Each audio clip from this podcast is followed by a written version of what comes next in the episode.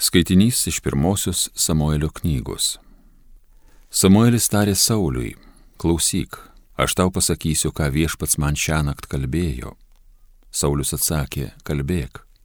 Tada Samuelis bylojo, nors ir tariesi esas mažareikšmis, bet argi nesi Izraelio giminių galva. Tavagi viešpats patepė Izraelio karaliumi, jis tave siunti į žygį sakydamas, eik ir sutriuškink nusikaltėlius amalekitus. Tu kaukis su jais, kol juos sunaikinsi. Kodėlgi nepaklausėjai viešpaties balso, bet puoliai prie grobio ir tai padarėjai, kas viešpačiui nepatinka. Saulis atkirto Samueliui, bet aš paklausiaugi viešpaties balso, išsiruošiau žygin, kurin mane viešpats siuntė, tegu ir parsivedžiau Amaleko karalių Agagą, bet Amalekitus aš sutriuškinau Tautagi pasėjame keletą avių ir galvijų iš grobio, geriausiąją dalį iš to, kas buvo pasmerkta žūti, kad jie gilgalę paukotų viešpačiui, tavo Dievui. Tačiau Samuelis prabilo, ar atnašus viešpačiui lygiai patinka, kaip paklusnumas viešpaties balsui, iš tikro klusnumas vertesnis už auksą, paklausimas avino taukus pranoksta. Neklausimas nuodėmė, kaip ir būrimas, o užsispyrimas tikra stabmeldystė. Kadangi tu atmetėjai viešpatie žodį, tai atmeta viešpats tave kaip karalių. Tai Dievo žodis.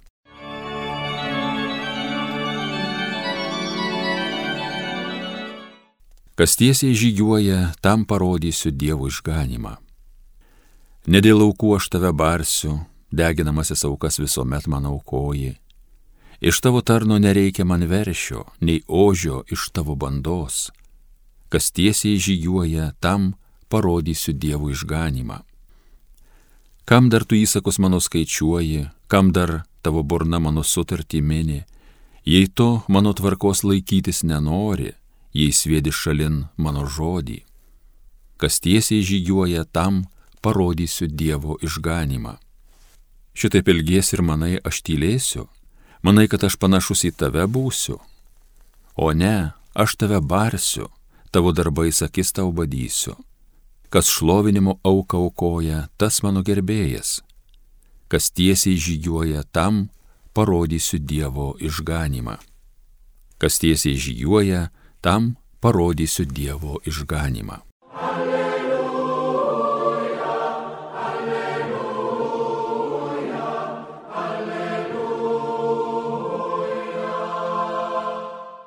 Dievo žodis yra gyvas, veiksmingas, jis teisė širdies sumanimus bei mintis. Alleluja, alleluja, alleluja. Iš Ventosios Evangelijos pagal Morku. Tuo metu Jono mokiniai ir fariziejai pasninkavo. Žmonės atėjo klausė Jėzų kodėl Jono mokiniai ir fariziejų mokiniai pasninkauja, o tavieji ne? Jėzus atsakė, argi gali vestuvis svečiai pasninkauti, kol su jais yra jaunikis, kol jie turi su savimi jaunikį, jie negali pasninkauti, bet ateis dienos, kai jaunikis bus iš jų atimtas ir tada tą dieną jie pasninkaus. Niekas nesivalopo iš naujo milo ant palaikio drabužio, antraip lopas atplėštų nuo jo gabalą, naujas nuo seno ir skilė tik padidėtų.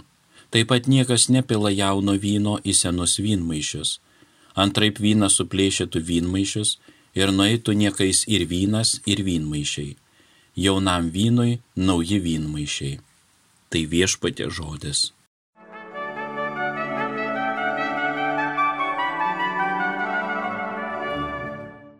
Mėly Marijos radio klausytojai, esame po kalėdinio liturginio laikotarpio įžengia į lietuvių kalbą išverstą eilinį liturginį laikotarpį. Jis skirtas šventajai dvasiai, o šventoji dvasia veikia bažnyčio ir per bažnyčią. Tai yra per mus, per kiekvieną pakrikštytąjį. Pažvelkime šios dienos Evangeliją giliau, tapatindamėsi, įsidedami į širdis ir mintis Jėzaus mokymą ir atsakymus. Jėzus bendraudamas su fariziejais, kurie laikė save tradicijos saugotojais ir buvo griežti visų religinių normų bei taisyklių laikymosi šalininkai bei gynėjai, nuolat gražina juos prie tikrosios pirminės šių normų prasmės.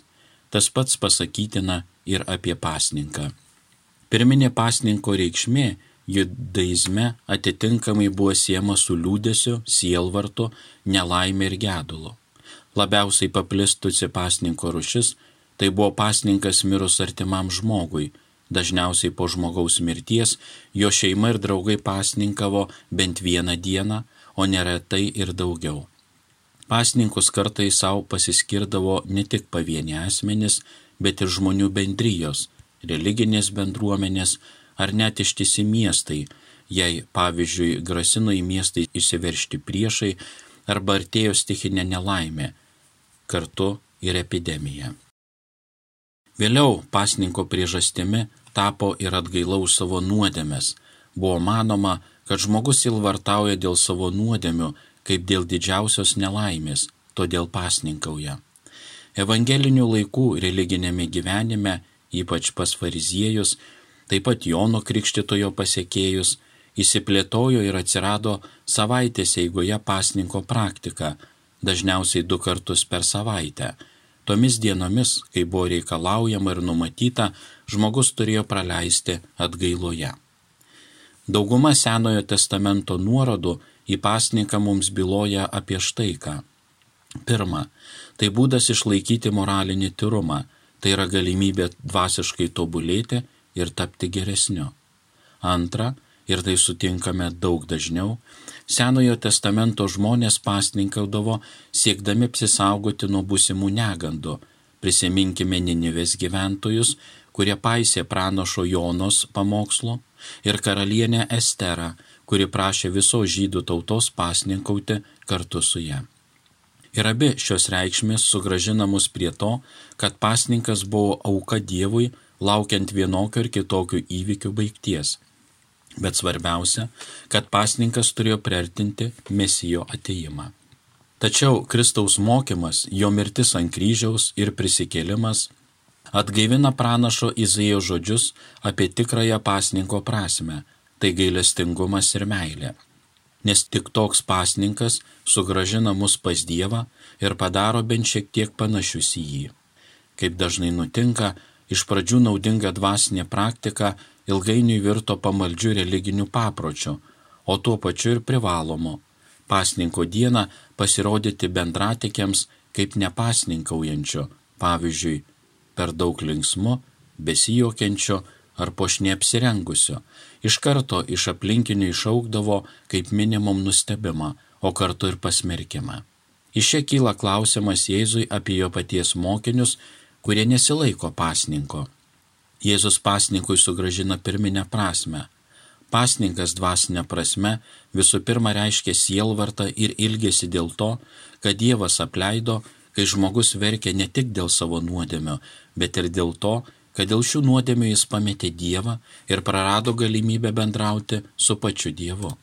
Kalbėdamas apie save kaip apie jaunikį, čia nebejotina aluzija į vestuvių puotą, kaip apie mesijinę puotą, išganytojas atkreipė dėmesį į formalaus pasninko beprasmybę, kai tam nėra rimtos priežasties. Kol jis yra su savo mokiniais, negali būti ni kalbos apie jokį Dievo nebuvimą, o tai reiškia, kad nėra vietos rimtam pasninkui.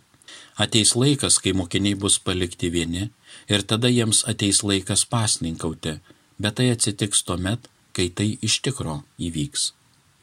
Jėzus, kaip matome, gražina pasninkui pirminę ir pradinę prasme.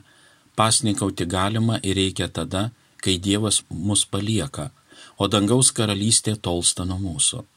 Dangaus karalystės gyventojams, kurie išgyvena jos gyvenimo pilnatvę, Apie pasninką negali būti nei kalbos, o esmė čia ne pamaldume, o tame, kad tokiu atveju pasninkas tiesiog praranda tikrąją savo prasme. Lieka tik išorinis, grinai religinis formalumas, iš esmės nedarantis jokios įtakos dvasiniam gyvenimui.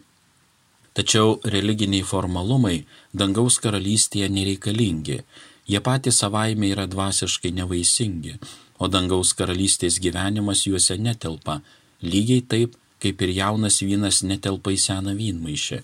Vynas rūksta, o senas vynmaišis net laiko. Dangaus karalystės gyvenimą žemėje, nuolat besikeičiančiame pasaulyje, ras naujas formas, kurios pakeis senasias ir tame nėra nieko tragiško, juk ir tradicija turi prasme tik kaip dvasinio gyvenimo ir dvasinės patirties išraiška bei įkūnijimas, o pasninkas irgi tinkamas tinkamoje vietoje ir tinkamu laiku. Žinoma, besikeičiančiame, bet dar iki galo nepasikeitusiame pasaulyje dangaus karalystės gyventojų laukia ne tik džiaugsmai, bet ir vargai. Viskam savas laikas, taip pat ir pasninkui. Svarbiausia, kad pasninkas netaptų ir nevirstų tuščių formalumu. Lygiai taip pat, kaip ir visos kitos religinės tradicijos bei praktikos. Fariziems ir Jono mokiniams nelengva suprasti gyvenimo principus keliaujančioje Jėzaus bendruomenėje. Jo mokiniai nesilaiko nustatytų pasninkų, bendrauja su nusidėjėliais ir pažeidžia fariziejų sakytą šabo tradiciją. Fariziejai nesupranta, kad Kristaus mokiniai gyvena kitokį religinį gyvenimą, paremta ne tik taisyklėmis ir ritualais, o asmeniniu bendravimu ir santykiu su Jėzumi. Jis yra jų gyvenimo centras ir prasme, jaunikis, į kurio vestuves jie yra pakviesti. Šiuo atžvilgiu verta pagalvoti apie savo religinės nuostatas ir praktikas. Ant ko jos pastatytos? Tik ant taisyklių ar ant bendravimo su Dievu Kristuje. Tai nereiškia, kad nereikia pasninkauti. Jėzus sako, kad mokiniai pasninkaus, kai iš jų bus atimtas jaunikis, arba kad nereikia melstis. Pats Jėzus nuolat rodo maldos pavyzdį ir jis sako mokiniams visą laiką būdėti bei melstis, kad nepakliūtų į pagundą. Tiesiog tikslas niekada neturėtų būti pakeistas priemonėmis. Visi mūsų veiksmai turi būti skirti Kristui, Pasninkas turėtų padėti auginti mūsų meilę Dievui, turėtų padėti mums labiau atsiverti Jo maloniai. Religinės taisyklės turėtų paskatinti nuoširdų bendravimą su Juo. Štai pažadas įsipildė ir Kristus atėjo pa žmonės ir kiekvienas mūsų veiksmas prisipildo kitokios prasmės. Seniai išganimo laukimo vyno vynmaišiai plyšta nuo naujo vyno, gerosios naujienos vyno. Taip išganimas atėjo, Taip, Kristus yra su mumis. Dėl mūsų, iš meilės žmonėms, jis iškentė kryžiaus kančias, kad išpirktų mus iš nuodėmės vergyjos. O tada iš mūsų krikščionių reikalaujama visai ko kito - tapti jo buvimo pasaulyje ženklais, nutraukti netiesos grandinės, parodyti gailestingumą kitiems, pamiršti save ir gyventi su meile. Amen.